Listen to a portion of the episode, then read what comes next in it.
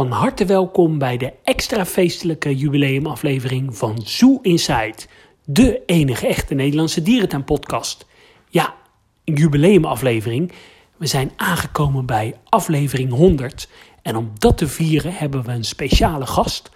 Mark en ik hebben vorige week een aflevering opgenomen met Mark Dame. Hij is uh, vooral bekend als oud-directeur van Diergaarde Blijdorp. Maar hij is nog steeds heel erg actief en betrokken in de dierentuinwereld. Heeft een lange carrière in de dierentuinwereld. Ja, hij uh, vertelt ons over zijn uh, werkzaamheden binnen de dierentuinen.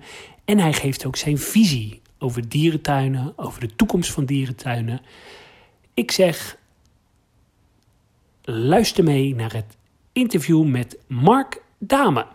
We zitten hier met uh, Mark uh, Dame, uh, dierentuinfreak, maar bovenal ook beroepsmatig altijd actief in de dierentuinen geweest. Mark, kan je jezelf even voorstellen? Ja, Mark Dame, 48 jaar. En toen ik 16 was, ben ik bevangen door het dierentuinvirus. Toen ben ik ook mijn dierentuincarrière begonnen als vakantiehulp in Beekse Bergen, het safaripark. toen ben ik neushoorns gaan verzorgen. En toen heb ik besloten dat ik uh, dat toch wel uh, ja, heel erg boeiend vond. Met name ook het, het, spanningsveld van hoe kun je nou gewoon verantwoorden dat je wilde, onschuldige dieren ja, in, in gevangenschap houdt. Daar moet je wel een hele goede reden voor hebben. En daar heb ik eigenlijk nou, een groot deel van mijn leven aan gewijd. En toen volgens mij adjunct-directeur geworden bij Monde Sauvage. Burger Zoo, Zodiac Zoos, Diergaarde Blijdorp. Ja, het is eigenlijk uh, na Beekse Bergen, waar ik uh, lid werd van de, van de vriendenvereniging, de, de fanclub, uh, de Stichting Vrienden Safari Park. stuurden ze mij, adviseerden ze mij om naar Blijdeppers te gaan, te gaan kijken. Ik was er nog nooit geweest en ik ben onmiddellijk ja, toch wel verliefd geworden op die dierentuin. En die bleek ook een vriendenvereniging te hebben.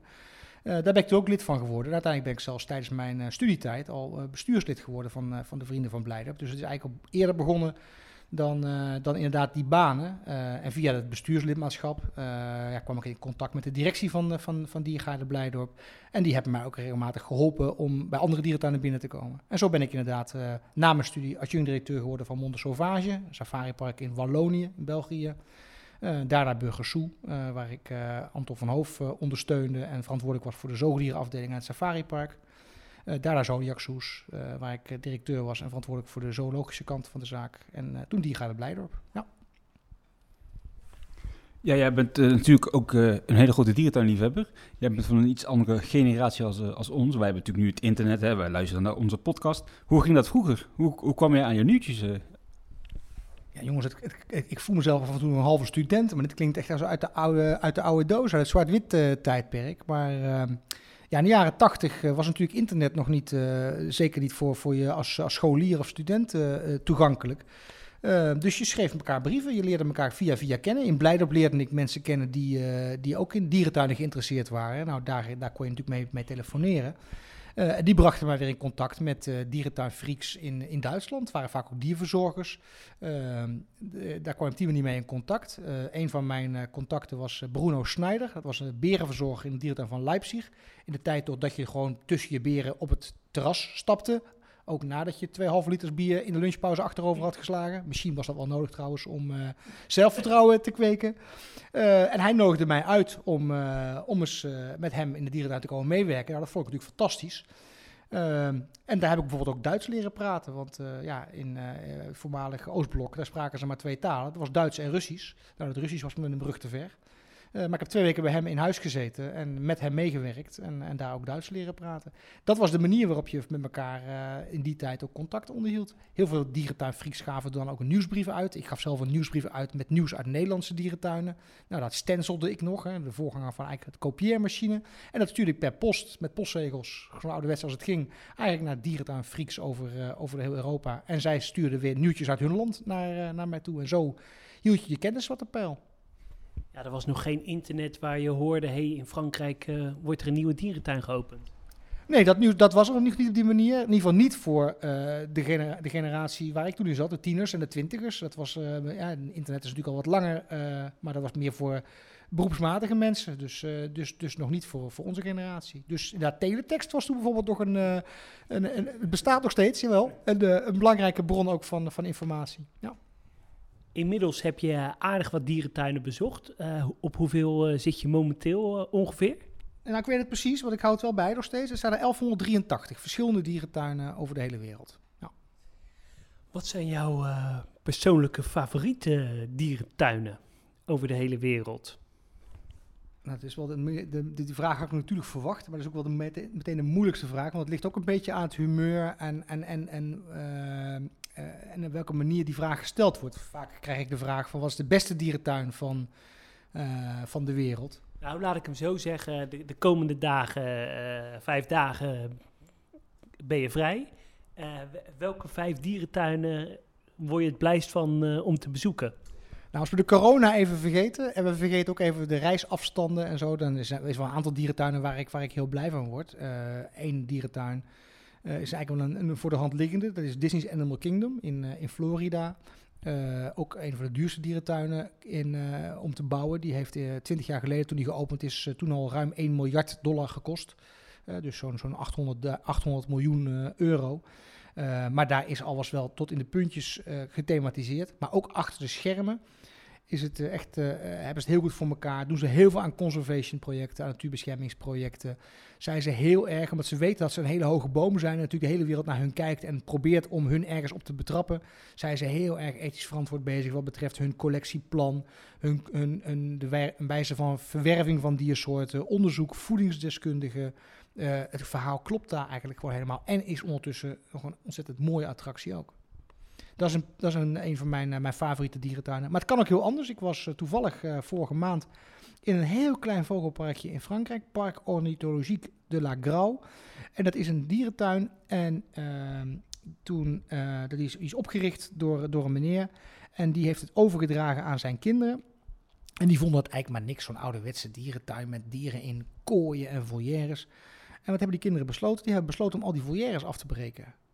Ja, dan zul je zeggen, dan ontsnappen die dieren natuurlijk. Ja, en dat gebeurde ook. Die dieren die, eh, die vlogen weg. Uh, de dieren, exotische dieren zijn natuurlijk naar andere dierentuinen gestuurd, maar de, de, de inheemse dieren die zijn weggevlogen. Wat hebben ze gedaan? Ze hebben volgens het terrein waar die dierentuin op lag, hebben ze zo aangepast tot een paradijs voor die dieren, dat die dieren teruggekeerd zijn. Ik zal niet zeggen dezelfde individuen, maar je ziet daar dus inmiddels wilde flamingo's die daar naartoe komen overdag, die daar broeden zelfs, en die ook s'avonds weer, uh, als ze niet aan broeden zijn, weg, uh, wegtrekken. Nou, en het is een hele kleine dierentuin uh, met weinig bezoekers, maar echt een, een juweeltje. En voor mij ook wel de dierentuin van de toekomst. Echt een soort van etalage voor de wilde natuur die om, om, die, dieren, om die dierentuin eigenlijk heen, heen vindt. Dus dat is voor mij ook een favoriete dierentuin. Uh, in Nederland vind ik Apenhul een hele mooie dierentuin waar gewoon ook heel veel klopt. Hè, wat ik net zei van Disney's Animal Kingdom, het geldt eigenlijk ook in Apenhul. Uh, daar uh, ja, heel bewust bezig met wat ze doen, met hun footprint. ook in de restaurants. want vaak in dierentuin. Ik was vorig jaar in de Bronx Zoo. de, de Wildlife Conservation Society, zoals het zo mooi heet. En dan krijg je een fantastisch verhaal over wat ze allemaal doen aan honderden conservation projecten overal ter wereld. En vervolgens krijg je een lunch aangeboden. En dan krijg je een flesje Spa Blauw gewoon in een plastic wegwerpflesje. Uh, krijg je allemaal plastic bestek en dat soort zaken die gewoon met z'n allen niet gescheiden ingezameld worden in de prullenbak gaan. Dan denk je, ja, dan gaat je hele verhaal van conservation donderd in één keer voor mij in elkaar. Terwijl in Apenhul. Het klopt gewoon zo goed en zo kwaad als het allemaal kan natuurlijk. Je kunt ook zeggen, dan moet je geen bezoekers in auto's laten komen het houdt ergens een keer op. Maar ze doen hun best om het uh, zo goed mogelijk te doen. En houden we nog, uh, nog twee over. Ja, dat wordt heel lastig, want er zijn gewoon heel veel mooie dierentuinen. Uh, kijk, als je in Singapore kijkt, ja, altijd jaar rond 32 graden en een hoge luchtvochtigheid, dan heb je natuurlijk heel makkelijk tropische beplanting. Dat krijg je in Nederlandse dierentuinen. Ja, geen savanne in Nederland kan daar natuurlijk tegenop, uh, want ja, het wordt hier gewoon herfst en de blaadjes vallen van de bomen. En dan ziet zo'n savanne er in in, in, in januari, februari toch in Nederland wat, wat Hollands uit, zal ik maar zeggen. En dat heb je in landen met een tropisch klimaat heb je dat, uh, heb je dat niet. Dus wel oneerlijke concurrentie natuurlijk. Maar dat, ik vind dus de dierentuin van Singapore vind ik, uh, vind ik zelf uh, echt, wel, echt wel heel goed bezig. En wat ik zelf ook wel een hele mooie dierentuin vind. Niet eens zozeer een hele goede dierentuin, maar wel heel mooi om te zien. Dat is Cabarsno in, in Noord-Spanje, in de buurt van Santander. Ehm, in een bizar landschap waar je met de auto doorheen kunt rijden en uit kunt stappen hier en daar. Om, om, om bruine beren te zien in een hectare groot verblijf. eh, olifanten in een, in een verblijf waar de gemiddelde Nederlandse dierentuin helemaal in past. eh, een verblijf van een hectare of 30, 40 voor Afrikaanse olifanten. Waar ook allerlei antilopen naar binnen kunnen lopen en weer uit kunnen lopen. Eh, voor mij ook wel een van mijn favoriete dierentuinen. Ja, ik vond, ben er zelf ook geweest. Ik vond het alleen heel erg op Afrika lijken. Niet echt eh dierentuingevoel. Ja, nou, en misschien is dat wel de dierentuin van de toekomst. Ook de dierentuin die heel erg op de natuur lijkt. Ik, eh, ik, zei, zei ook eerder al, ik vind dat de dierentuin van de toekomst ook een etalage moet zijn voor de natuur. Ik vind het een, een, een gemiste kans in Nederland dat we zo weinig aandacht besteden aan onze eigen natuur. We hebben fantastische natuur in Nederland. Maar er is geen Nederlandse dierentuin die de adder, de ringslang en de hazelworm laat zien. Terwijl dat dieren zijn, die hebben niet echt hele grote verblijven nodig. Hè, Mollen zie je nergens in dierentuin. Terwijl de fantastische diersoorten, iedereen kent de mol. Ieder kind kent de mol uit, uit, uit tekenfilms en uit, uit stripverhalen. Ehm, daar laten we in Nederland echt een kans liggen. En eh, in Cabasno, ja, het lijkt op Afrika. Nou, ik vind het, eh, ik vind het prachtig. Ik zeg het uiteraard een beetje prikkelend. Maar eh, met alle respect, maar mollen en, en korelslangen zijn toch veel te saai. Eh, Geen enkele diersoort is saai. Eh, iedere diersoort vervult een rol in het ecosysteem. Ook een mol en ook een, eh, een, eh, een adder of een ringslang vervullen een rol. En ik vind juist, je kunt mensen aanzetten om natuur in Afrika te beschermen. Maar laten we eens beginnen bij onze eigen natuur in Nederland. We leven hier met 17 miljoen mensen, dicht, op, oh, dicht op elkaar. Ik vind het een beetje flauw om tegen iemand in Afrika te zeggen dat zij niet mogen stropen, terwijl we wel zelf onze natuur kapot maken. Dus laten we eens even bij de eigen voordeel beginnen. Wat zijn jouw favoriete type eh, dierentuinen? Ik, ik ben zelf bijvoorbeeld heel erg fan van stadsdierentuinen. eh, om, omdat ik hou van steden. Ik hou van dierentuinen als Berlijn of Leipzig. Eh, uit jouw voorbeeld blijkt het een beetje vooral natuurdierentuinen... of word je ook wel blij van stadsdierentuinen? Nou kijk, als je het hebt over de ouderwetse stadsdierentuin, zoals een Berlijn of een, eh, een Stuttgart bijvoorbeeld, hè, eh, die hebben naar mijn mening echt hun langste tijd gehad. Dat was, die dierentuinen zijn gebouwd in een tijd dat er nog geen televisie was en dat de dierentuin de enige manier was voor mensen om die dieren in het, in het, in het echt te zien. En er ook geen internet was, dus ze konden ook niet op een beeldscherm eh, die dieren zien. Die rol is niet meer nodig voor een, voor een dierentuin. Dus ik zie eerder eh, dat, eh, nou, dat dierentuinen minder diersoorten gaan houden. Want wat we willen in dierentuin is verhalen vertellen. We willen de dierentuin gebruiken en de dierencollectie gebruiken om mensen onder de indruk te maken van natuur en aan te zetten tot ander gedrag. Dat ze zuinig omgaan met de natuur. Of het nou de natuur is bij ons in Nederland of in eh, andere landen. Hè, want heel veel palmolie komt natuurlijk gewoon. Ook daar kunnen verhalen over vertellen in Nederlandse dierentuinen. En dan is het wel handig als je een paar diersoorten kunt laten zien die leven eh, in de gebieden waar palmolie gewonnen wordt en daar dus door bedreigd worden. Eh, maar eh, een dierentuin heeft de- dus eigenlijk maar net zoveel diersoorten nodig om het verhaal te kunnen vertellen. En ja, de vraag is of dat 600 diersoorten nog steeds moeten zijn. Of dat, net zoals apenhul, wat ik al eerder noemde, die doen dat met 35 diersoorten. En die kunnen prima een verhaal vertellen en mensen aanzetten tot ander gedrag. Ja, In de, in de jaren negentig hebben de Nederlandse dierentuinen een enorme ontwikkeling eh, doorgemaakt. Eh Blijdorp opende het Oceanium, Burgers Zoo eh, opende ecodisplays, de lagune in het dolfinarium. Ehm, daarna hebben de Nederlandse dierentuinen, naar mijn mening, nou ja, best wel stilgestaan of hebben geen hele grote innovaties doorgemaakt. Zijn we eigenlijk inmiddels eh, ingehaald door eh, landen als eh, België, Tsjechië, Duitsland? Nou, absoluut niet. Dat hoor ik vaker zeggen. Daar ben ik het helemaal niet mee eens. Overigens begon die ontwikkeling in de jaren 80. Hè. Toen lanceerde Blijdorp het masterplan. Burgers Bush opende. eh Emmen had, nou ja, was toen echt heel erg in opkomst. Eh, dus, dus dat was eigenlijk... eh, eh, Beekse Bergen werd overgenomen van een gemeentelijk safaripark door Libema. waarmee de ontwikkeling kon starten. Ehm, en wat je nu ziet gebeuren is dat er in andere landen, ja, daar, wordt, daar, wordt het, daar zijn nu geldstromen op gang gekomen, ook grote subsidiestromen. En daar worden nu nou, dingen van nagebouwd die wij in Nederland al, al veel langer hebben gebouwd. Hè. Burgers Bush is vele jaren het eh, grootste tropenhal geweest, decennia zelfs, de grootste tropenhal geweest van, eh, van Europa. Eh, en pas nu bouwen andere dierentuinen nog iets grotere tropenhallen, maar die zijn eigenlijk weinig vernieuwend ten opzichte van de Bush. Het is net eventjes een stukje groter, maar verder zitten daar weinig vernieuwingen in.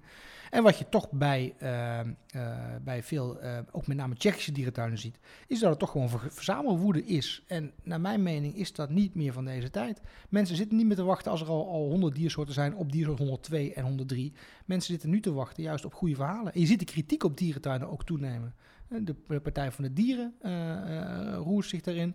Maar ik spreek ook steeds meer mensen, en, en uh, zeker nu ik ook buiten de dierentuinwereld actiever geworden ben, die zeggen, ja, dierentuin, ja, daar kom ik eigenlijk nooit. En dat, dat is toch zielig. En, en dat ik toch daar, ik ben, ik ben heel lang natuurlijk ja, heb ik een groep mensen om me heen gehad die dierentuinen ook leuk vonden, net zoals jullie. Ik bedoel, met jullie hoef ik die discussie ja, niet zozeer aan. Maar bij eh, de organisatie waar ik nu werk, dan zeggen we, ja, maar die dierentuinen, dat is, dat is toch niet meer van deze tijd. En dan moet ik eigenlijk weer helemaal opnieuw beginnen. En dan blijkt dat eigenlijk, dat zie je in Nederland ook, het grootste deel van Nederland bezoekt geen dierentuinen. De Nederlandse dierentuinen roepen enthousiast dat er uh, ieder jaar 12 miljoen bezoekers naar de dierentuinen komen. Maar dat zijn geen 12 miljoen bezoekers, dat zijn 12 miljoen bezoeken. Dat zijn ongeveer 4 of 5 miljoen mensen die, dat, die, die met z'n 4 of 5 miljoen garant staan voor die 12 miljoen bezoeken. Dat betekent dat er 13 miljoen mensen in Nederland gewoon niet in een dierentuin komen. En waarom doen ze dat niet? Nou, voor een deel om dezelfde reden als waarom ik niet naar een kickboxwedstrijd ga. Het interesseert me niet. Ik heb er niks mee. Uh, de, ik heb daar vooroordelen over. Hè. Bij kickboksen denken mensen die vechten. Terwijl het waarschijnlijk een hele een techniek is. Uh, ik ga nu op glad ijs, want ik weet daar echt niks van. Maar dat zegt ook wat. Ik weet echt niks over kickboxwedstrijden. Maar ik heb wel een beeld. Dat is een negatief beeld. Heel veel mensen weten niks van dierentuinen, maar hebben toch een negatief beeld. En het is heel moeilijk om met name die mensen te bereiken. Want die zeppen weg op het moment dat er iets over dierentuinen gaat. En op het moment dat het in het journaal over een dierentuin gaat, ja, dan denken ze even andere dingen. Omdat het onderwerp ze gewoon minder interesseert. Uh, jij zei net, hè, in Tsjechië zie je bijvoorbeeld nu in de ontwikkelingen dat er nog steeds een stukje verzamelwoede ontstaat. Lopen de mensen daar ook gewoon niet achter? Worden daar nog niet gewoon nog geaccepteerd, zeg maar? Mensen willen daar gewoon graag olifanten, neushoorns, beren zien. In plaats een heel mooi verblijf met alleen olifanten. Nou, dat, dat denk ik niet. Uh, uh, als ik, uh, toevallig had ik uh, gisteren een, een digitale vergadering vanuit EASA. En dan zie ik dat mensen uit heel Europa, ook uit Oost-Europa, zeg niet in Tsjechië, want die vinden zichzelf Centraal-Europa, maar uit andere landen die misschien wij nog nou, wat achtergesteld vinden of voelen, Estland, Letland, Litouwen, Roemenië, Bulgarije, die, sky, die skypen net zoals wij. En die hebben net zo'n toegang tot internet en tot de hele wereld en, uh, als wij. Dus die kunnen ook verblijven zien in Nederlandse dierentuinen. Dus ik, dus ik, denk zeker niet dat die achterlopen. Ik zie alleen dat juist ook in Tsjechië er enorme subsidiestromen op gang komen. Waarmee mensen, dierentuinmensen, gewoon nog zo'n verzameling kunnen, kunnen opbouwen van, met elkaar. Maar de vraag is of dat. Uh, in, een van de, in Hongarije bijvoorbeeld heb je een, een, een dierentuin die richt zich op Zuid-Amerika. Die heeft heel duidelijk die beperking zichzelf opgelegd en is daar heel succesvol mee geworden. Juist door beperkt collectie op te bouwen en niet de grootste te willen zijn. Dus ik denk, ik denk, niet, dat, ik denk dat ze daar niet achterlopen. Als je verder weg gaat kijken, daar zijn wel andere beelden. Kijk, je kunt in een land, uh, als je in Afrika, ik bezoek juist ook heel graag dierentuinen in, uh, in, in, in, in ontwikkelingslanden, in derde wereldlanden, uh, om te zien hoe ze daar aankijken tegen dieren. Want de, de, manier waarop mensen dieren huisvesten, weerspiegelt ook de cultuur, zegt iets over hoe ze tegen dieren aankijken. Uh, en in een land waar mensen zelf in golfplaten huisjes wonen, kun je niet verwachten dat ze een Taman Inda of een, nou ja, noem maar eens een andere prachtige naam voor een olifantenverblijf in een dierentuin gaan bouwen voor olifanten. Dus het, is wel, het heeft wel te maken met, met, met, met cultuur. Hoe kijk je dat tegenaan? Als we bijvoorbeeld dan Engeland kijken, dat, dat, is ook een, een, land met echt wel een heel eigen dierentuincultuur. Zouden wij in Nederland meer die kant op moeten? Of zou Engeland meer onze kant op moeten? Eh, nou, laat Engeland gewoon lekker bij Engeland blijven. Ik bedoel, we hebben niet voor niks aan kanaal gegraven, zeg ik dan. Maar uh, nee, uh, uh, als ik in Engel, Engelse dierentuinen ben, ik, in Engel, als, ja, dan, dan word ik altijd verdrietig. Waarom? Omdat Engelse dierentuinen het verhaal wat je daar vertelt, krijgt en wat je daar leest, is ook van: eh, kom vandaag naar onze dierentuin, want wij hebben gorilla's en gorilla's zijn er, met, met uitsterven bedreigd. En kom alsjeblieft vandaag, want misschien zijn ze morgen wel uitgestorven. Mensen gaan naar een dierentuin voor een leuk dagje uit. Dat is ook de reden dat Engelse dierentuinen relatief weinig bezoekers hebben. Je wordt er helemaal niet blij van. Terwijl je, je wil toch, mensen gaan toch. De belangrijkste reden voor een bezoek aan de dierentuin is een leuk dagje uit. Uh, en, en niet eens zozeer wat leren, want uh, ja, je, bent in het weekend. En, en, en dat is met name dat leren een doelstelling die de dierentuinen zichzelf gesteld hebben. Een prima doelstelling overigens. Ehm, maar ze geven geen hoop. En wat Nederlandse dierentuinen doen, is hè, kom ons helpen de gorilla te redden. Ja, het gaat slecht met de gorilla. Dat roepen we in Nederland ook terecht, want het gaat toch slecht met de gorilla. Maar je kunt de gorilla kun je redden. Door bijvoorbeeld, als jij een nieuwe smartphone hebt gekocht, je oude niet weg te gooien, maar te laten recyclen. Want er zit coltan in je smartphone. Daarvoor uh, wordt tropisch regenwoud gekapt om dat, uh, om dat te winnen. Dus uh, dat is het verhaal van Nederlandse dierentuinen. En dat spreekt mij veel meer aan. we hebben, toen ik in Blijf werkte, ook een samenwerking met Greenpeace zijn we aangegaan. voor tentoonstelling over zeereservaten. En Greenpeace en Blijdorp zijn toen gaan kijken ook van waar zijn onze overeenkomsten. Niet waar zijn onze verschillen. Veel positievere benaderingswijzen. En ja, je kunt vinden van Greenpeace wat je, wat je vindt. En je kunt vinden van Blijdorp wat je ook vindt natuurlijk. Uh, maar de overeenkomst tussen Greenpeace en Blijdorp is dat ze zich allebei inzetten voor een betere aarde voor ons en voor onze kinderen. Uh, en daar vonden we elkaar. En uh, ook het verhaal van de zeereservaten, natuurgebieden op de oceaanbodem waar we vissen niet gaan bedreigen door ze te vangen, maar waarin we dus als kraamkamers laten dienen, daar vonden we elkaar. Alleen de, de manier waarop Greenpeace hun uh, publiek benadert was anders dan die van Blijdorp. Dus wij wilden niet alleen maar het verhaal vertellen in Blijdorp wat we met z'n allen weer eens fout doen op deze aardbol, maar dan ook gelijk het verhaal erbij vertellen wat we moeten doen met z'n allen om het goed te laten komen. als we op deze manier doorgaan met, met, met, met vis uit de zee halen, dan zijn er over twintig jaar heel veel vissoorten uitgestorven. Dat is een vreselijk verhaal, daar wordt niemand blij van. Maar als je dus zegt, we kunnen het oplossen door zeereservaten te creëren, hoef je maar een paar procent van de oceaan hoef je te verklaren tot gebied waar geen vis gevangen mag worden, dan kun je vissoorten kun je redden. Nou, dat is een hoopgevend verhaal. En dan gaan mensen toch weer positief uh, naar huis. Uh, Dubai uh, Safari, een safaripark in, in Dubai, twee jaar terug geopend, maar na een paar maanden alweer gesloten. Het staat nu al, al twee jaar stil. Waar, heb je enig idee wat er aan, aan de hand is? Ja, Dubai is natuurlijk een van de zeven Verenigde Arabische Emiraten. Uh, en uh, een van die zeven emiraten, daar uh, zit een sheik. En die sheik, dat is in Sharjah. En die sheik die is heel erg dierenminded en dierentuinminded. Die heeft al, al 10, 15, misschien wel 20 jaar een aantal dierentuinen. Die bouwt nog steeds dierentuinen bij. waar dierwelzijn hoog in het vaandel staat. Waar echt veel aandacht is voor de plaatselijke flora en fauna van dat peninsula, Arabië, waar dat ligt. En uh, de sheik van Dubai, die ziet dat met ledenogen aan. Dat is natuurlijk ook allemaal, uh, die zitten elkaar ook de loef af te steken. En uh, komen natuurlijk ook om in het geld. Omdat je, als je daar met je voet een kuiltje in het zand draait, dan komt de olie al naar boven. Ehm, en alleen in Dubai lag een vreselijk oude, ouderwetse, achterhaalde dierentuin. En uh, ja, dat, was, dat, dat zag er natuurlijk niet uit in vergelijking met die prachtige projecten die daar in Sharjah gebouwd werden. Dus de sheik in Dubai heeft ook besloten om daar een heel groot safaripark uh, neer te leggen. Alleen ja, dieren zit niet in zijn hart. Dat is, uh, dat is normaal, de, de, buurman heeft een, een grote auto, dus jij moet een grotere auto. Maar ik hou je helemaal niet van auto's. Maar dat, dat is een beetje het verhaal. En uh, die dierentuin is dus gestart. Uh, ze kregen zelf het management niet onder controle. Het zat niet in hun hart. Dus ze hebben het management uitbesteed aan, een, uh, aan, aan Parkers Reunidos, een Spaanse attractieparkenondernemer. ja, daarmee geef je ook een stuk regie uit handen, waardoor de band die je hebt met dat park nog minder wordt. Het is nog wel van jou, maar iemand anders beheert het. Ja, dus je hoeft er ook niet meer zo vaak heen. En en, en ja, de, vervolgens ging dat dus weer niet naar de zin van de sheik. En die heeft op, op een gegeven moment weer uh, Parkers Reunidos uh, eruit geknikkerd. Ja, en sindsdien uh, ja, leidt het eigenlijk een zieltogend bestaan. Want hij weet zelf ook niet goed hoe hij ermee om moet gaan. En ondertussen wordt er in de staat, of het emiraat ernaast, in Sharjah, ook een safaripark gebouwd. wat weer helemaal in de stijl is en met het kwaliteitsniveau van de sheik van, van Sharjah. Die dus echt gewoon een, een dierenmens is en dat ook al zijn hele leven uitstraalt.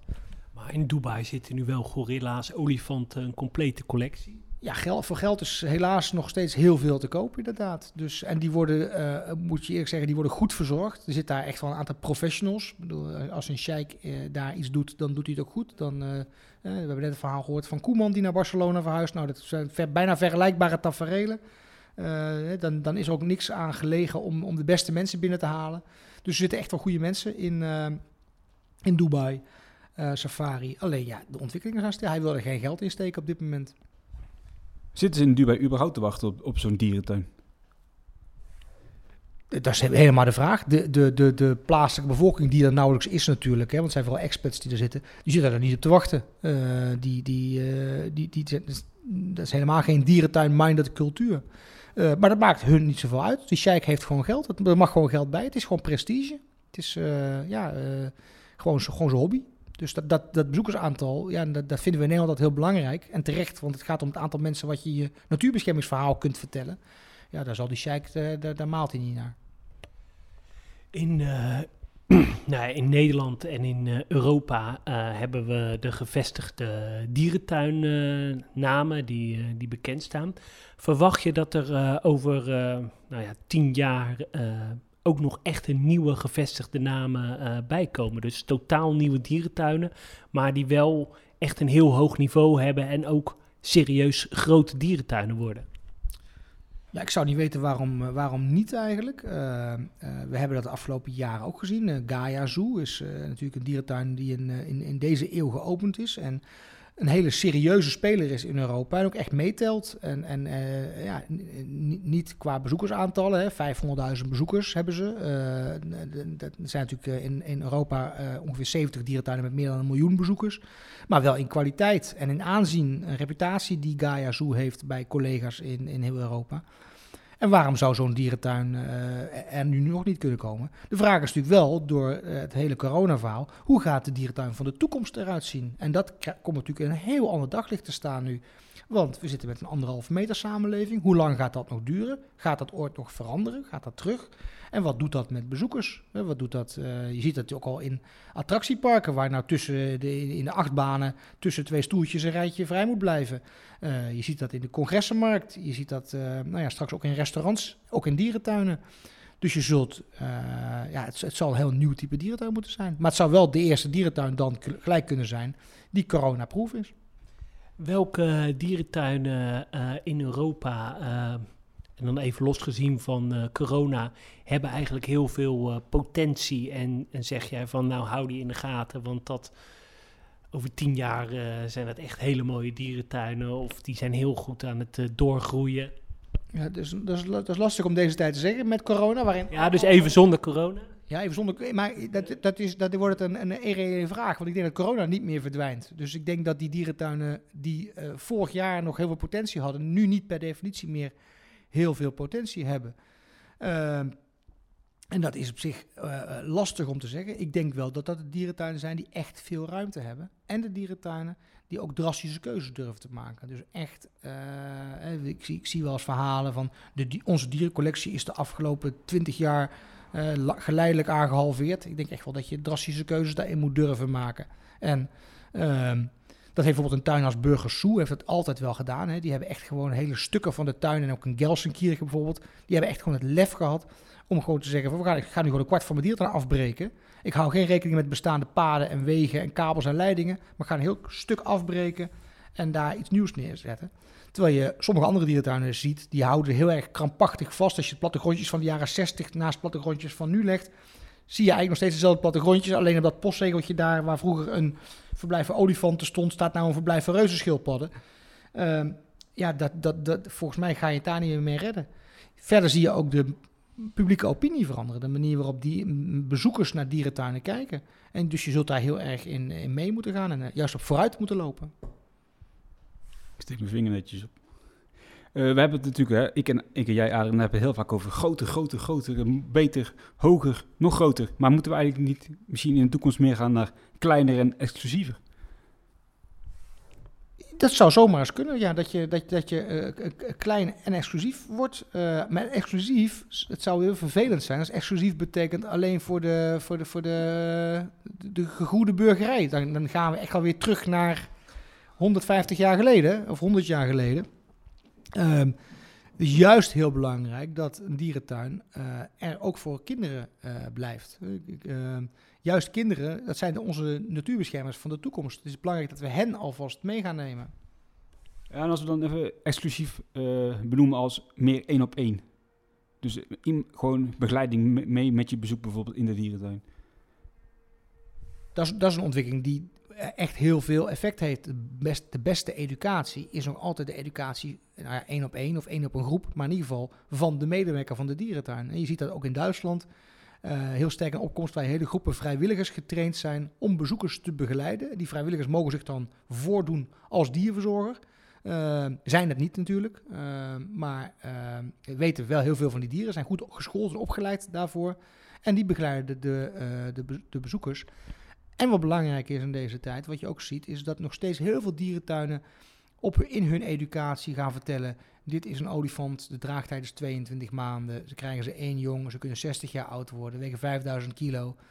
Ehm, ja, wacht even. Het is 2020 mensen. Dat, dat kun je googlen, weet je. Dat hoef je niet op een bordje te zetten. Wat leuk is, wat blijft hangen, zijn anekdotes. En dierverzorgers of medewerkers, vrijwilligers, vertellen anekdotes. Anekdotes blijven hangen. En die, die nemen mensen mee naar huis.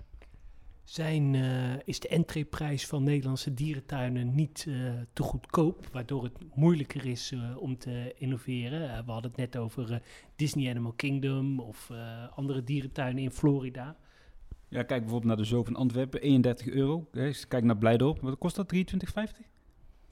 Eh, ja, en in Amerika betaal je toch soms zo gauw 50 tot 100 dollar eh, voor een eh, serieuze goede dierentuin. Ja, en Haik Balian, de vroegere directeur van Artis, zei eigenlijk, eigenlijk zou Artis gratis moeten zijn. En aan de ene kant heeft hij gelijk. Ehm, ik vind eigenlijk dat een dierentuinbezoek verplichte kost is voor iedereen. En omdat dat de plek is waar je met, met onze natuur in aanraking komt. En het de plek is waar je mensen iets kunt vertellen over hoe wij de aarde kunnen bewaren voor volgende generaties. Het nadeel alleen van gratis is dat het dan geen waarde meer heeft en een soort van waardeloos wordt. Terwijl een dierentuin juist een hele hoge waarde heeft. Ehm, of de entreeprijs omhoog moet, ja, eh, het, is, het is mooi geredeneerd. ehm, maar ehm, ik woon zelf in Rotterdam. En daar leven gewoon best veel mensen die het financieel zwaar hebben. En eh, op het moment dat je die prijs verder gaat verhogen, dan ga je juist mensen die toch al ver vervreemd zijn van de natuur, omdat ze ook niet op vakantie kunnen naar, naar, naar, naar natuurgebieden. eh, en vaak gewoon thuis blijven, omdat ze helemaal niet op vakantie kunnen. Die ga je dan ook nog een dagje blijden ontzeggen. Of een dagje dierentuin ontzeggen. Dus daar heb ik wel moeite mee. Om, om die prijs maar eindeloos te verhogen. Hebben we dan niet gewoon te veel dierentuinen in Nederland, waardoor er te veel kabels op de kust zijn, waardoor juist de, de investeringen achterwege moeten blijven? Nou, het feit is, hè, maar wat is te veel, wat is te weinig? Het feit is dat we in Nederland 62 dierentuinen hebben. Rotterdam heeft er twee, om een voorbeeld te noemen. Eh, de, provincie als Zeeland heeft zelfs zeven dierentuinen. Ehm, en eh, doordat je de taart, hè, er is gewoon een bepa- bepaalde groep mensen die die dierentuin wil bezoeken. Ik zei al eerder, het zullen er ongeveer 4, 5, misschien 6 miljoen zijn in Nederland. Ja, als je die moet verdelen over 60 dierentuinen, dat betekent dat je die taart met veel moet verdelen. Eh, en dat je ook eh, dus relatief minder bezoekers, minder inkomsten hebt. Dat, dat je dus ook meer concurrent bent. Eh, wat weer iets gaat doen met je, met je, met je prijsniveau. Eh, en je imago. Want ik vind als je je dierentuin in de uitverkoop zet. Ja, dat vind ik toch altijd. eh, daar heb ik wel moeite mee. Want je bent niet een goedkoop product. Je bent een kwaliteitsproduct. Je gaat over dierwelzijn. Maar juist door zoveel dierentuinen in Nederland.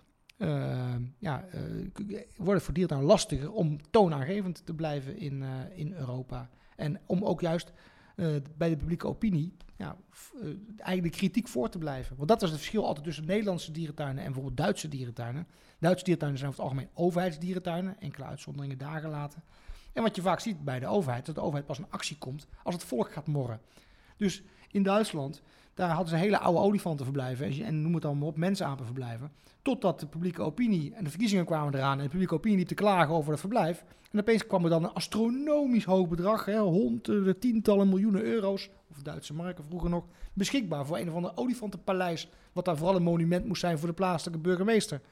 Eh, Nederlandse dierentuinen hebben altijd gezorgd dat ze al voordat het publiek ging klagen over iets, dat ze het ja, gingen vervangen, vernieuwen, afbreken. Kreeg dan nog het pinguïnverblijf in Blijdorp, eh vlak bij de oude ingang. Een uh, publiekstrekker van je welste. Daar zaten we in een klein rond verblijf, waar nou de winkel van Sinkel weer is teruggekeerd. Zaten zwartvoetpinguïns. Was natuurlijk hartstikke leuk, want die stonden vlakbij je. Ja, logisch, ze konden ook niet weg daar. Um, en we hebben dat verblijf, toch besloten dat verblijf af te breken. Want het was eigenlijk met de kennis die we op dat moment verworven hadden en van collega's gekregen was een heel slecht verblijf. Want zwartvoetpinguïns die leven voor de kust van Zuid-Afrika of aan de kust van Zuid-Afrika. En die leggen, als ze uit de zee komen, zijn ze natuurlijk helemaal nat. Maar die moeten een paar honderd meter lopen naar hun nesthoortje. Uh, en in die paar honderd meter drogen ze helemaal op. En komen ze dus droog aan bij hun nestholletje. Nou, in Blijdorp, in het oude pinguïnverblijf, was die afstand anderhalve meter. Dus je kunt je voorstellen wat er gebeurt. Die komen met hun zijknatte kloffie, komen ze in dat holletje aan. Dus heel veel pinguïns gingen daar dood aan aspergillose, een schimmelinfectie. Wat natuurlijk niet zo gek is als je iedere keer met je natte regenjas in je huis uh, inloopt. Dus wij wisten dat het een slecht verblijf was. We hebben veel kritiek gekregen op het afbreken van het verblijf. Terwijl we het nu duidelijk kunnen maken van jongens, het was leuk voor ons als mens, maar het was helemaal niet leuk voor de pinguïns. Een, uh, een, andere vraag over plannen uit het verleden. Is het zo dat de Efteling wel eens plannen heeft gehad voor een dierentuin? Ja, de Efteling heeft sowieso altijd wel wilde plannen gehad. Maar de Efteling heeft ook plannen gehad uh, in het verleden voor een dierentuin inderdaad. De plek zo weet je waar nou de Fata Morgana staat en Aquanura, de watershow. Uh, dat gebied was eigenlijk, is eigenlijk pas vrij recent ontwikkeld en het theater staat daar nou ook. En daar zijn inderdaad nou, 30, 35 jaar geleden nou, plannen geweest om, om een dierentuin te gaan bouwen. Dat hebben ze toen niet gedaan. Uh, ook omdat op dat moment ook net Beekse Bergen overgenomen werd. Toen was, toen was de Efteling nog geen landelijke attractie overigens, maar gewoon een regionale attractie. En uh, nou, toen uh, is Beekse Bergen overgenomen door Libema en ging daar goed in investeren. En toen zag de Efteling ook van, nou, misschien kunnen we ons maar beter beperken tot, tot onze sprookjeswereld. in plaats van ons gaan richten op een, op een branche die ons helemaal vreemd is en waar je toch hele andere expertise voor nodig hebt. En zou dat dan een los te bezoeken park uh, geworden zijn? Dat weet ik niet. Geen idee. Nee, dat. Uh, nee. En dat zag er dan wel op zijn pieks uh, uit? Ja, dat was een creatie van Ton van de Ven. die alles deed op dat moment nog in, in de Efteling. En ja, dat, werd, dat was wel heel anders dan de, de traditionele dierentuinen. Ja. En over de Efteling uh, gesproken, uh, ik heb ook wel eens gehoord uh, dat jij ook wel eens plannen hebt gehad voor een soort dark ride in de Rivierenhal. Dat klopt. En, de Rivierenhal is natuurlijk al langer een, een, een, een molensteen voor, voor Blijdorp. Al de tijd van mijn voorganger, Ton Dorrestein. Hè, die heeft nog wel eens schaterlachend geroepen. de, de Rivierenhal, die laat ik aan mijn opvolger. Nou ja, inmiddels heb ik hetzelfde gedaan. En Helaas, het spijt, het spijt, me Erik. Maar uh, uh, we zijn toen plannen gaan ontwikkelen in 2009, toen ik directeur werd van Blijdorp inderdaad, om de Riviera al helemaal op te knappen. En we hadden toen al bedacht, het heeft geen zin om alleen maar de Riviera op te knappen. Want uh, dan heb je een gebouw wat weer in een goede staat is, maar ja, zonder een, een, een duidelijke functie. Ja, om daar 20 miljoen euro voor uit te geven en wie gaat dat betalen om alleen maar iets op te knappen, dan moet er ook een attractie komen. Dan moet je zorgen dat je die 20 miljoen op de een of andere manier kunt terugverdienen. Dus toen hebben we plannen ontwikkeld om à la Droomvlucht, à la Efteling, inderdaad een, uh, een dark ride te maken in, uh, in, in de uh, Riviera. Dat was een fantastisch plan. daar hadden we ook een, groep Amerikanen bij betrokken om ons te helpen. daar hebben we uitgebreide sessies aan besteed. Ook Monumenten was er al bij betrokken. De Welstandscommissie was al aangehaakt. Ja, en toen kwam in het najaar van 2009 uh, de gemeenteraad van Rotterdam die moest bezuinigen en die namen het, het voorgenomen besluit om de subsidie aan diergaardenblijf te gaan korten van totaal 5,3 miljoen per jaar naar 8 ton per jaar. Ja, en dat was de nekslag voor dat project. Toen hebben we bedoeld, uh, ja, je ziet nou eigenlijk wat dat, dat geschiedenis even zich een beetje ja, weer terugkeert. Er wordt een fantastisch masterplan uh, gepresenteerd door, uh, door Erik Zevenbergen met, met zijn team. waar ik echt heel, erg van onder indruk ben, wat heel eigentijds is. Ja, daar is wel geld voor nodig natuurlijk. Hè. Voor niks gaat de zon op. En dan komt corona. En ja, dan, dan ja, gaat zo'n masterplan toch in de vertraging. Als we, als, we, als we geluk hebben nog dat het in de vertraging gaat. Maar dingen zullen toch anders gaan draaien. Ook Blijdorp uh, en alle andere dierentuinen zullen moeten gaan nadenken. Hoe ziet die dierentuin er straks in 2025 uit? Hebben we dan nog dagen met 10.000 bezoekers of moeten we dat niet eens meer willen? of willen, wil, wil het publiek dat niet meer? Gaan ze dus inderdaad kijken van uh, ja, vandaag verwachten ze meer dan 5000 bezoekers. Daar hoor ik niet bij, want dan is de besmettingskans is groot. Als dierentuindirecteur of, of medewerker werk je natuurlijk aan heel veel uh, uh, proefballonnetjes. nou ja, we hadden het net al over de dark ride in de Rivierenhal. Heb je nog meer aan leuke ideetjes gewerkt die nou ja, helaas nooit uitgekomen zijn? Nou ja, wat ik zelf een heel. eh, eh, wat we gelukkig wel uitgevoerd hebben, is de, de, de revitalisering, zoals we dat noemen, van Afrika. Met een, eh, een, een, een, mooi verblijf voor, voor de Okapis. En niet alleen Okapis, maar dat is een, eigenlijk een heel eigen tijdsverblijf ge- geworden, vind ik. Daar hebben we ons laten inspireren door de Afrika-volière in de Zoo van Antwerpen. Met buffels in een volière. Samen met de vogels die eh, ook in de natuur omgeven. Nou ja, het Congo-biotoop in Blijp is een, zo'n, vergelijkbaar eh, project geworden. Wat eh, gelukkig heel erg goed door het publiek wordt geaccepteerd. De vrienden van Blijdorp hebben daar natuurlijk gigantisch bij geholpen. Eh, en last but not least, de Okapis doen het ook erg goed daar. En fokken zelfs vrouwelijke nakomelingen. Eh, waar we daarvoor niet zo goed in waren. Dus, eh, dus dat is een heel mooi verblijf. Ehm, ja, er waren natuurlijk nog andere plannen ook die, eh, die, die we hadden. Ehm, zo, zo een van de dingen bijvoorbeeld is Taman Inda. Ehm, ja, geopend in 1992. Eh, toen de beste olifantenstal van Europa. Gebouwd met de kennis, de beste kennis van, van die tijd. Ja, we zijn inmiddels 20 jaar verder. En ja, dan wordt zo'n verblijf, net zoals het geld eigenlijk hetzelfde als met je auto of je, je, je telefoon. Die was er eerst hartstikke trots op. Of je huis. Maar na verloop van tijd, ja, dan, dan, dan haal eh, de kennis haalt je in, de technieken gaan verder, ehm, eh, inzichten worden anders. Dus we wisten wel dat er iets moest gebeuren met, met, met Taman Inda. En ik ben blij dat ook in het nieuwe plannen een, vergroting ook van het olifantenverblijf staat. De vrienden van Blijdorp hebben vorig jaar, was het, of het jaar daarvoor, al mogelijk gemaakt om deels een zandvloer in de olifantenbinnenverblijf te leggen. Ehm, ja, dat waren projecten die had ik graag eh, willen realiseren. Maar ik ben blij dat het nu eh, door, eh, door Erik en zijn team alsnog overeind staat. Heb je voor de rest in Nederland wel eens andere dierentuinproefballonnetjes voorbij zien komen die nooit zijn doorgegaan, maar wel grappig zijn om te vermelden? Nou ja, ik zou bijna zeggen, heb je even. Ik heb bij Zodiac Soes gewerkt. Dat bedrijf is gespecialiseerd in eh, eh, het ontwikkelen eh, van nieuwe dierentuinen. Helaas zijn daar de meeste plannen niet van gerealiseerd. Maar een heel mooi project was, wat, we, wat ook wel in de media is geweest natuurlijk, Zoo Safari Boekelo. Maar ook, dat was een, echt een mooi project. Hoe zou dat eruit gezien hebben? Eh, nou, in ieder geval met heel veel ruimte. Eh, eh, het, het, het, het had wat weg van Beekse Bergen, maar uitsluitend met loofbomen. Waar mensen ook vooral, het, heet wel safari, maar het heeft niks, geen gemotoriseerd vervoer erin. Het was wel een park à la Overloon, maar helemaal Afrikaans gethematiseerd. Waarbij mensen echt zichzelf bijna konden verdwalen in het Afrikaanse landschap. Dus dat was, dat was wel echt wel spectaculair. Ehm, en ook in Assen. ehm eh, Zodiac is toch eh, eh, gespecialiseerd ook in halve dag attracties. Iets waar het een paar uur leuk is. En we hadden ons oog laten vallen op, op Assen. Daar wordt natuurlijk de TT verreden. Dat is toch ehm, grotendeels een mannen-event. hoewel ik nu de vrouwen niks tekort wil doen die, die luisteren. Maar, eh, en het idee was inderdaad van ja, eh, de mannen kunnen hun eh, vrouw en kinderen meenemen. En dan een halve dag vermaken zich in, in een apenpark. En dat, dat was ook een, een, een heel mooi initiatief, wat helaas niet gered heeft. Ja, je bent natuurlijk betrokken geweest bij Zodiac Soes. Zodiac Soes is natuurlijk een paar jaar geleden ja, failliet gegaan. Kun je iets vertellen waar daar mis is gegaan precies? Nou, dat is lastig om te zeggen. Er, zijn, eh, daar, is nooit één, één reden voor. Ehm, eh, maar eh, er zijn er wel een aantal dingen die dat versneld hebben.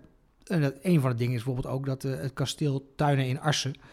daar was de verplichting bij om het, om het kasteel te onderhouden. Nou ja, een, een kasteel onderhouden... Ja, dat is toch wel een molensteen aan je nek ook. Dus dat, dat, dat heeft veel geld gekost, zou veel geld gaan kosten ja, uiteindelijk gaat het er toch om van, eh, weet je voldoende publiek te trekken? Ehm, eh, de, de filosofie van Zodiac Soes was toch heel erg gericht op kleinere dieren. De, het dwergnelpaard en de tapir waren de grootste bewoners eigenlijk, of kamelen, de grootste bewoners, maar geen grote katachtige, geen olifanten, ijsberen, dat soort dieren. Ja, je merkt nu toch, kijk, het is ook makkelijk om te kijken natuurlijk. Hè. Je ziet wat Libema doet in, uh, in Overloon, leeuwen erbij, tijgers erbij, giraffen erbij. Je ziet wat ze doen in, uh, in Leeuwarden, ijsberen erbij.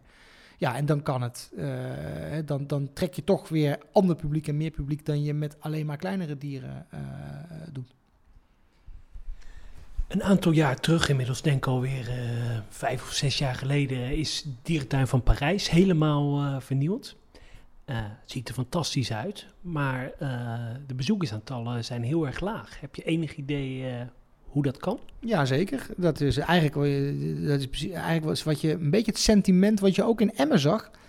Emmen was getrouwd met het Noorderdierenpark of Dierenpark Emmen. En tegen de bevolking in Emmen is gezegd: maakt u zich geen zorgen, we gaan dit dierenpark sluiten, maar 300 meter verderop openen we een nieuw dierenpark Emmen. En dat is, zoals jullie ook weten, een totaal andere dierentuin geworden. Dat was niet. Mens, mensen hadden een beetje in hun hoofd zitten. Het wordt dezelfde dierentuin, maar dan twee keer zoveel ruimte voor de giraffen. Maar wel nog steeds die savanne waar je omheen kunt lopen. En twee keer zoveel ruimte voor de olifanten, maar wel nog zo'n soortgelijk olifantenverblijf. Het is allemaal totaal anders geworden. Kijk je naar Parijs, dan was de oude dierentuin uit 1934, dat was heel Parijs, was daarmee groot geworden. Iedere Parijzenaar is daar op schoolreisje geweest, iedere kind is daar eh, opgegroeid.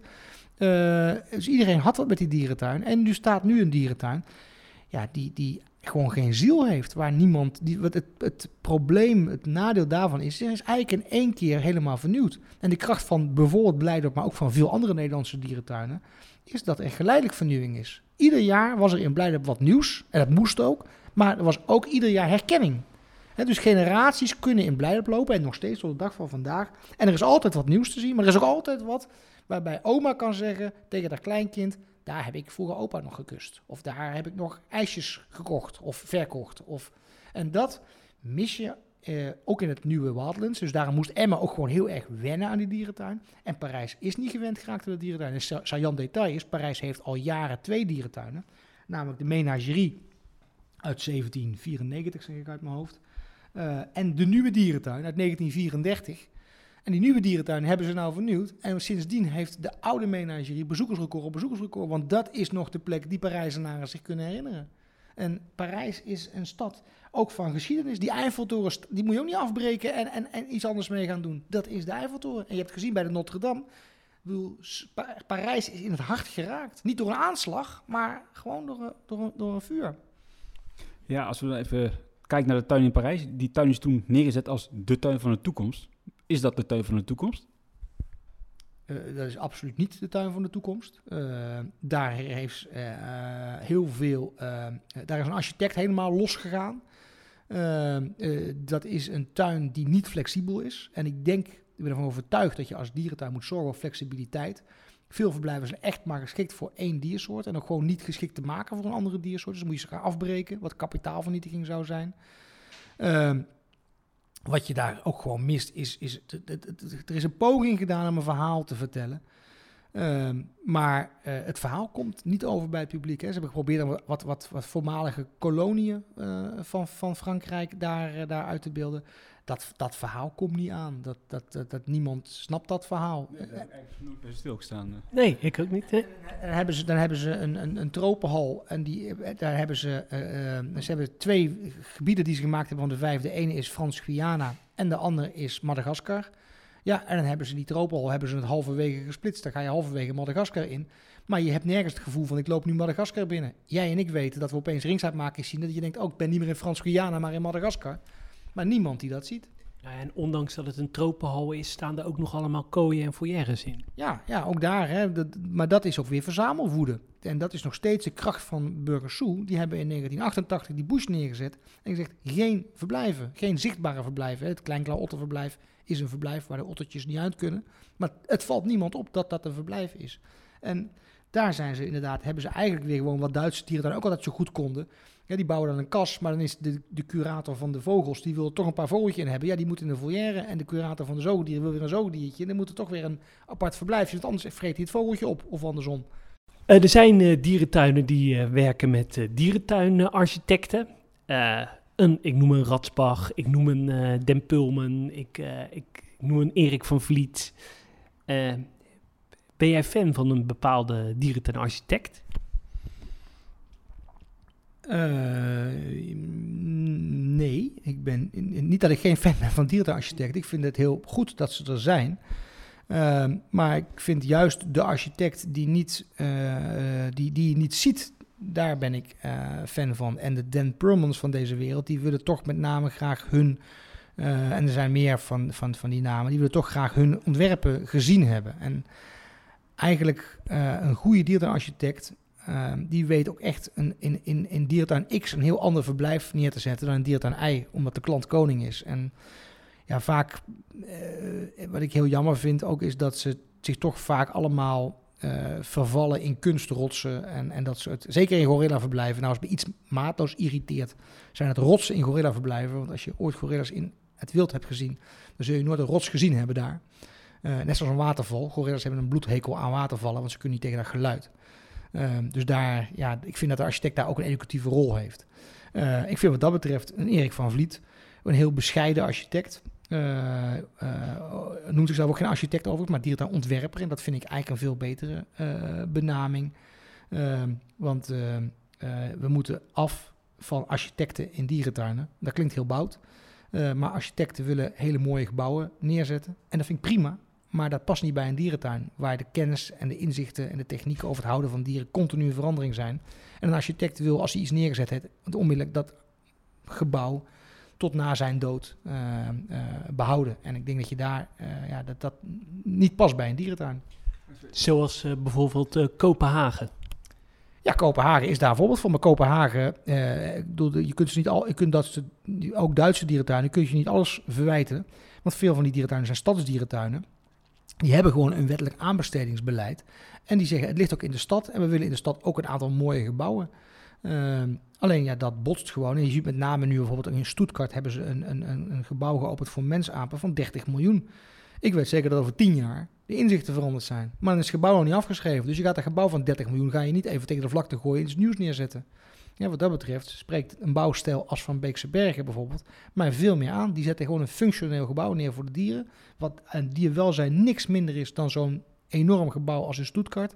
Maar dat is een gebouw, dat is sneller afgeschreven. Dan kun je nog eens een keer tegen de vlakte gooien. Als de kennis en de inzichten veranderd zijn. Of het park besluit dat uh, die diersoort de ruimte in de dierentuin niet meer nodig heeft. En ze willen wat anders gaan houden. Uh, in uh, Europa zien we op twee plekken dat er orka's gehouden worden nou ja, of je moet uh, Moskou uh, meetellen in Antibes en in, in Lorelpark. Denk je dat er een toekomst is voor het houden van, in dit geval, orka's of andere grote zeezoogdieren? Ja, ik wil even advocaat van de duivel spelen, want in de jaren negentig, toen hadden we dezelfde, had ik dezelfde vraag van jullie kunnen krijgen over beren. Toen zag je overal in allerlei dierentuinen zag je beren verdwijnen, want beren werden dan nog in kleine verblijven gehouden, vertoonden veel stereotyp gedrag, veel bedelgedrag. Dus toen was eigenlijk de consensus in Europa beren kun je niet houden in, uh, in dierentuinen. Nou, inmiddels uh, is er een heel nieuw generatie berenverblijven opgekomen. Uh, niet in de minste plaats een Ouwehands Dierenpark met een prachtig berenbos. Wat inmiddels was ook toonaangevend hè, in Europa. Ik bedoel, dat hebben we net niet genoemd, maar dat was ook de eerste in zijn soort. En heeft veel navolging gekregen. En inmiddels zie je ook de ijsberen die in Engeland helemaal verbannen waren uit dierentuinen, zie je daar ook weer geleidelijk aan terugkomen. Er zijn twee dierentuinen in Engeland die ijsberen hebben en het aantal zal de komende jaren nog wel wat gaan stijgen. Maar dat zijn wel hele andere verblijven.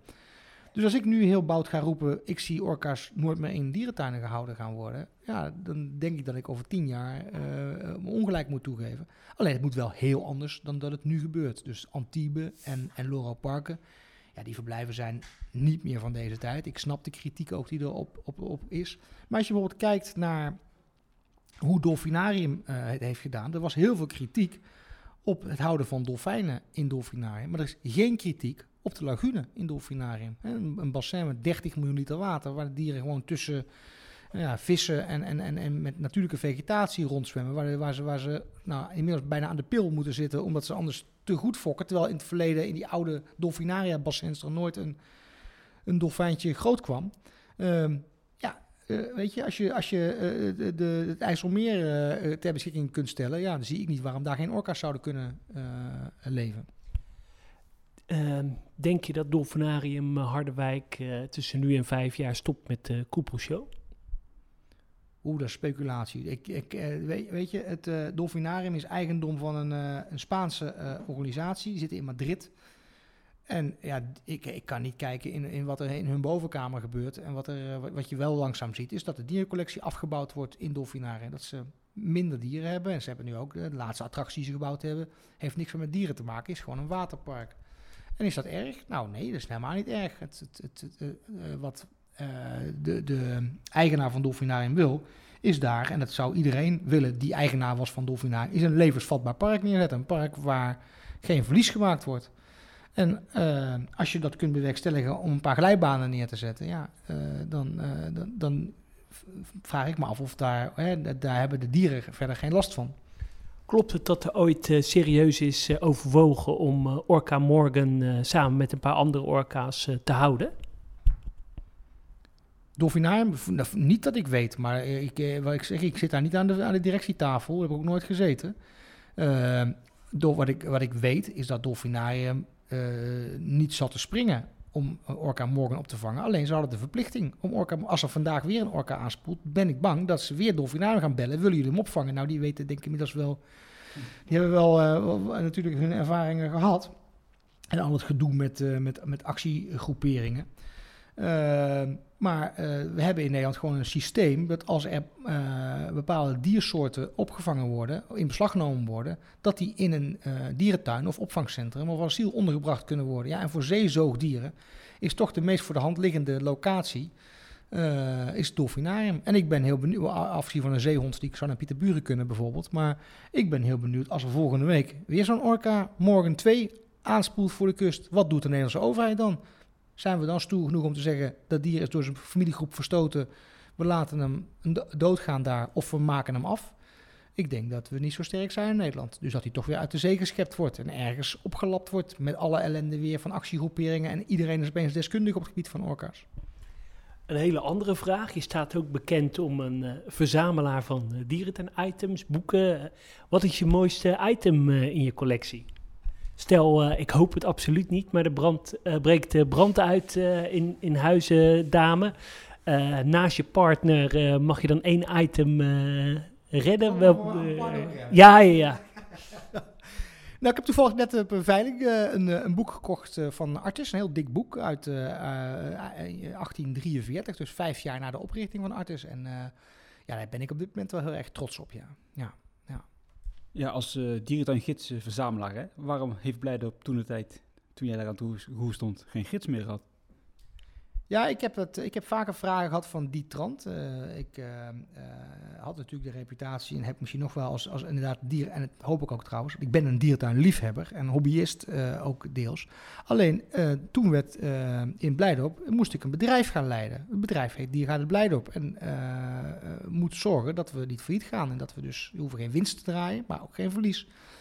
En dus uh, uh, is het niet een, uh, mijn, mijn eigen hobby die ik ga blijven. Ik moest dus keuzes maken die in het belang waren van het, van het bedrijf, van de organisatie. En die druisten soms wel in wat ik privé zou doen. Ik hou, ik hou er heel erg van om in mijn vrije tijd dierentuinen te bezoeken met, met, met hele bijzondere dierencollecties. met diersoorten die je in heel weinig andere dierentuinen ziet. Maar de vraag is of, daar, of dat professioneel is. Een diersoort die je maar als enige hebt in een dierentuin, heeft die een levensvatbare populatie? Moet je die wel willen houden? Of kun je die vierkante meters beter gebruiken voor een diersoort die die ruimte harder nodig heeft, omdat er een fokprogramma is wat ruimte zoekt? Uh, ik spaar dierentuingids, dat doe ik uh, al, al uh, sinds de jaren tachtig. Um, en ik heb toch besloten om destijds in Blijdorp geen nieuwe dierentuingids uit te geven. Want internet was natuurlijk heel erg in opkomst, apps waren in opkomst. Um, veel informatie is gewoon te googlen. Uh, dus hoef je niet in een gidsje, in een boekje uh, uit te geven. En daarna zag ik gewoon dat de verkoopcijfers van die boekjes heel erg terugliepen. Dus het was gewoon ook financieel niet rendabel. Plus dat we op andere manieren bezoekers uh, educatie konden geven. Middels onze website bijvoorbeeld. Een hele... Even inhaken op, hè, op, op apps en op internet. Denk jij dat in de toekomst we meer in dierentuinen gaan doen met bijvoorbeeld VR-belevingen en dat soort zaken? Kijk, wat je als. Wat is een dierentuin eigenlijk? Hè? En, en, als, als je dat vraagt, dan zeg je ja, een dierentuin. Een tuin met dieren. Ja, maar dat is een, ik vind dat een ouderwetse benadering. Een dierentuin anno 2020 is een, is een, is een plek, een locatie waar je mensen onder de indruk wil brengen van natuur. Met als doel om ze aan te zetten tot de bescherming van die natuur en dat milieu. En de vraag is, wat heb je daarvoor nodig op die vierkante meters? En dat kunnen levende dieren zijn. Dat, hè, dat is natuurlijk een unique selling point, om maar een prachtige Engelse term te verzinnen van, van een dierentuin. Dat is wat dierentuinen onderscheidt van bioscoopzalen. Hè. Daar kun je een prachtige natuurfilm zien, maar uh, je kunt daar nooit de drol van olifant uh, in je handen hebben of uh, de mest van een roofdier ruiken. Hè, dat is toch de beleving die, die exclusief voor een, voor een dierentuin is. Alleen de vraag is hoeveel, hoeveel dieren heb je nodig? En kun je, je merkt ook gewoon, we leven natuurlijk steeds meer in een zepcultuur. Mensen willen steeds sneller andere prikkels hebben. Vroeger kon je mensen nog gewoon een hele dag hetzelfde laten doen. Tegenwoordig zie je toch dat mensen ja, sneller andere dingen willen doen. Hè. Vandaar ook speeltuinen in dierentuinen gekomen zijn en andere dingen in dierentuinen erbij gekomen zijn. Want alleen maar dieren kijken vinden kinderen al vrij snel saai. Dus er zullen andere attracties bij gaan komen. En een VR-beleving, of zoals ook Wildlands het doet, die naast uh, de levende dierencollectie die ze natuurlijk hebben en houden en waar ze heel goed in zijn, ook nog een aantal andere dingen hebben om toch eventjes kinderen nou ja, een pauzemomentje te bezorgen. En toch probeert Wildlands dan bijvoorbeeld ook in hun 3D uh, uh, Ice Arctic Ride uh, toch nog een stuk educatie mee te geven. Was het voor jullie als dierentuindirecteur in de tijd dat je directeur was als Blijdert nog spannend toen Emma openging? Van wat doet dit voor de markt? Ja, maar spannend in de positieve zin van het woord. Want we wisten met z'n allen dat daar een kwaliteitsdierentuin zou ontstaan. we wisten niet of Nederland het leuk zou vinden of Nederland er al klaar voor was. Maar we wisten wel, er zitten daar professionals aan boord. We wisten dat daar goede dierverzorgers zitten. Uh, dat daar um, mensen betrokken waren. Dat Emme veel informatie had ingewonnen bij collega-dierentuinen over hoe je nieuwe dierverblijven uh, moest bouwen. Zoals alle dierentuinen altijd doen. Dus daarom, uh, de directie en het management van Wildlands heeft de collega's al van meet af aan meegenomen. En openheid en transparantie gegeven over plannen. Mee laten denken, input laten leveren zelfs. Zo collegiaal zijn we ook met z'n allen. Dus we waren heel nieuwsgierig hoe Nederland hierop zou uh, reageren. Uh, en uh, het was natuurlijk een enorme ja, boost weer voor, voor de dierentuinwereld. Want er kwam weer een heel nieuw project in, in, in, in Nederland waar, wij, waar we weer een stap verder mee kunnen zetten. En waar natuurlijk een aantal dingen in zitten waarvan collega dierentuindirecteuren zeggen, nou dat zou ik nooit doen bij mij in het park. Maar waarbij ook een aantal dingen, verrek, daar hebben ze toch wel goed over nagedacht. Hebben een creatief idee. Dus kijken of ik dat ook in mijn eigen park kan gebruiken. Een hele andere uh, vraag. Hebben we ooit koala's gehad uh, in Nederland? Uh, en waarom hebben we ze nooit gehad? Het antwoord is nee, we hebben nooit koala's gehad in Nederland. tenzij je misschien heel lang teruggaat, maar dan praten we over de, de, de 19e eeuw. en dan maar kort, kortdurend. Ehm, een reden waarom ze er nog, nog niet geweest zijn, ik sluit niks uit voor de toekomst overigens, uh, is toch met name het voedsel. En uh, ja, nu ook de, de kritiek uh, die komt op de, de verkrijgbaarheid van dat voedsel. Want wat andere dierentuinen doen, bijvoorbeeld dierentuin van Duisburg, die laat twee keer per week een vliegtuig van Lufthansa uit Portugal overkomen met verse eucalyptus. Ja, dan praat je over, als dierentuin probeer je een milieuvriendelijk imago uit te stralen. En twee keer per week gaat er een vliegtuig vol kerosine even heen en weer om, om, om, om wat, wat takjes met blaadjes uh, te halen. Of je moet het gaan kweken zoals uh, Engelse dierentuinen doen in Cornwall. Maar ja, ook daar heb je kassen nodig en uh, dat, kost, dat kost veel energie. Is er ooit sprake van geweest in de Nederlandse dierentuin? Zeker. Uh, net zoals de eerder genoemde orka's uh, zijn natuurlijk ook dierentuinen kijken om zich heen en, en, en, kijken, is dit mogelijk? Dus er zijn wel haalbaarheidsstudies gedaan. Ja. De, de pandas zijn natuurlijk naar Ouwehand gekomen en we hadden, nou ja, ik en jij hadden denk ik wel de verwachting, ik, ik en jij, af, jij en ik Adriaan hadden wel de verwachting, dat gaat een hype worden. Dat viel eigenlijk achteraf een beetje tegen in de zin van de hype was niet echt te merken in de media of zo. Had jij, had jij ook dat verwacht dat die hype groter zou zijn geweest? Nou, uh, volgens mij is de, uh, de komst van de panda's naar Nederland, naar Ouwehands Dierenpark in dit geval, heel succesvol. Uh, wat je inderdaad ziet is dat uh, er niet heel veel meer bezoekers zijn gekomen naar uh, Dierenpark. Maar je moet ook niet vergeten dat Ouwehands Dierenpark daarvoor uh, een dierenpark was waar heel veel mensen met heel veel korting naar binnen kwamen. Bijna niemand betaalde daar het volle pond. En Ouwehand heeft gezegd, ja wacht even, wij, zijn nu, wij maken nu echt de stap naar een echte A-merk dierentuin, echt kwaliteitsdierentuin. Uh, dus we gaan ook niet meer met al die kortingsacties geven. Wij zijn een product wat een grote waarde heeft. en we vinden dat mensen dat ook moeten betalen. Dus Ouwehand heeft niet zozeer veel meer bezoekers gehad maar heeft wel veel meer uh, inkomsten gehaald uit die bezoekersaantallen, waarmee ze veel meer natuurbeschermingsprojecten hebben kunnen steunen. Dus eigenlijk wat jullie eerder ook al vroegen, moeten dierentuinen niet veel duurder worden? Nou ja, Ouwehand is, heeft, ziet de gemiddelde entreeprijs per bezoeker best stijgen, maar kan daarvoor natuurbeschermingsprojecten meer ondersteunen. Dus doet, meer aan doelbesteding dan dat ze in het verleden deden.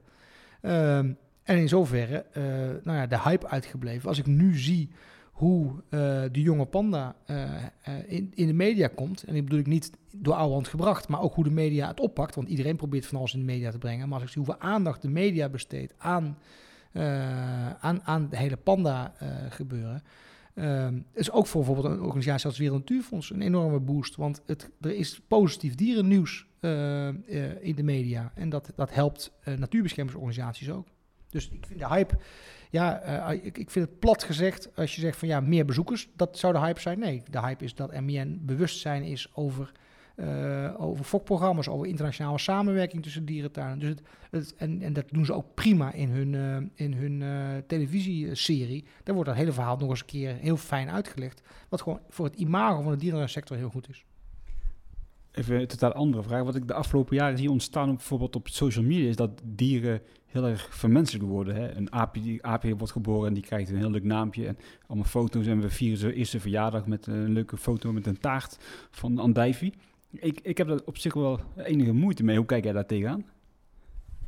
Ja, ik heb daar ook aan de ene kant uh, moeite mee, want uh, dieren zijn geen mensen en die dieren luisteren ook niet naar hun naam. Uh, het is wel handig overigens voor medewerkers om dieren een naam te geven. dat praat makkelijker. Als je met de dierenarts wil communiceren, dan is het makkelijker om te praten over huzaaraap Francine dan over die huzaaraap die vijf jaar geleden geboren is en vorig jaar nog last van zijn linker elleboog had dan is Francine toch iets korter.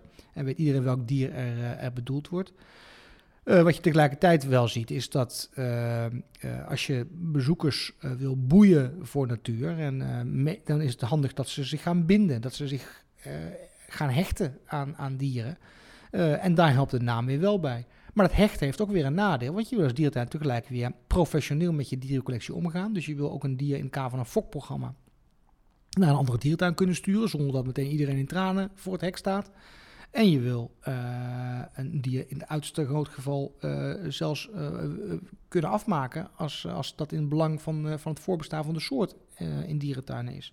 En dan helpt het weer niet als zo'n hele. Dus het is echt een hele, hele balans. Ja, er wordt mee geworsteld. En ik herinner me nog dat Artis het besluit nam, het dappere besluit nam, om te zeggen: wij gaan geen namen meer geven aan de dieren. Dat bleven ze natuurlijk wel doen achter de schermen voor het personeel om de reden die ik net genoemd heb. En toen ging een olifantje, Mumbai was het, die ging dood aan, uh, aan herpes. En drie weken later stond de directeur van Arts Haik Balian inderdaad toch uitgebreid het karakter van Mumbai. Het was zo'n leuk en speels olifantje uit de doeken doen. Daar weer heel erg vermenselijkend. Uh, dus het is gewoon ook heel lastig, want je, je gaat je ook als, als, als, als dierentuinmedewerker toch op de een of andere manier hechten aan zo'n dier. En je bent natuurlijk met z'n allen verslagen als, als zo'n jong olifantje waar je gewoon heel trots op bent. De resultaat van jarenlange inspanningen van iedereen tot en met de technische dienst aan toe. Ja, dan opeens komt te overlijden. Dus het is, ja, het is, het is, het is kiezen tussen twee kwaden. Tot slot, uh, we zijn bijna aan het einde uh, gekomen. Stel, we hebben een, uh, een tijdmachine over tien jaar. Zien we jou dan ooit nog terug ergens in een dierentuin? Als directeur of andere functie? Ja, wie weet. Uh, ik, ik weet het zelf niet. Ik, uh, heb, uh, in, in, ik ben begonnen als neushoornverzorger in Beekse Bergen. En uiteindelijk was ik directeur van Diergaarde Blijp en voorzitter van de Vereniging van Dierentuinen.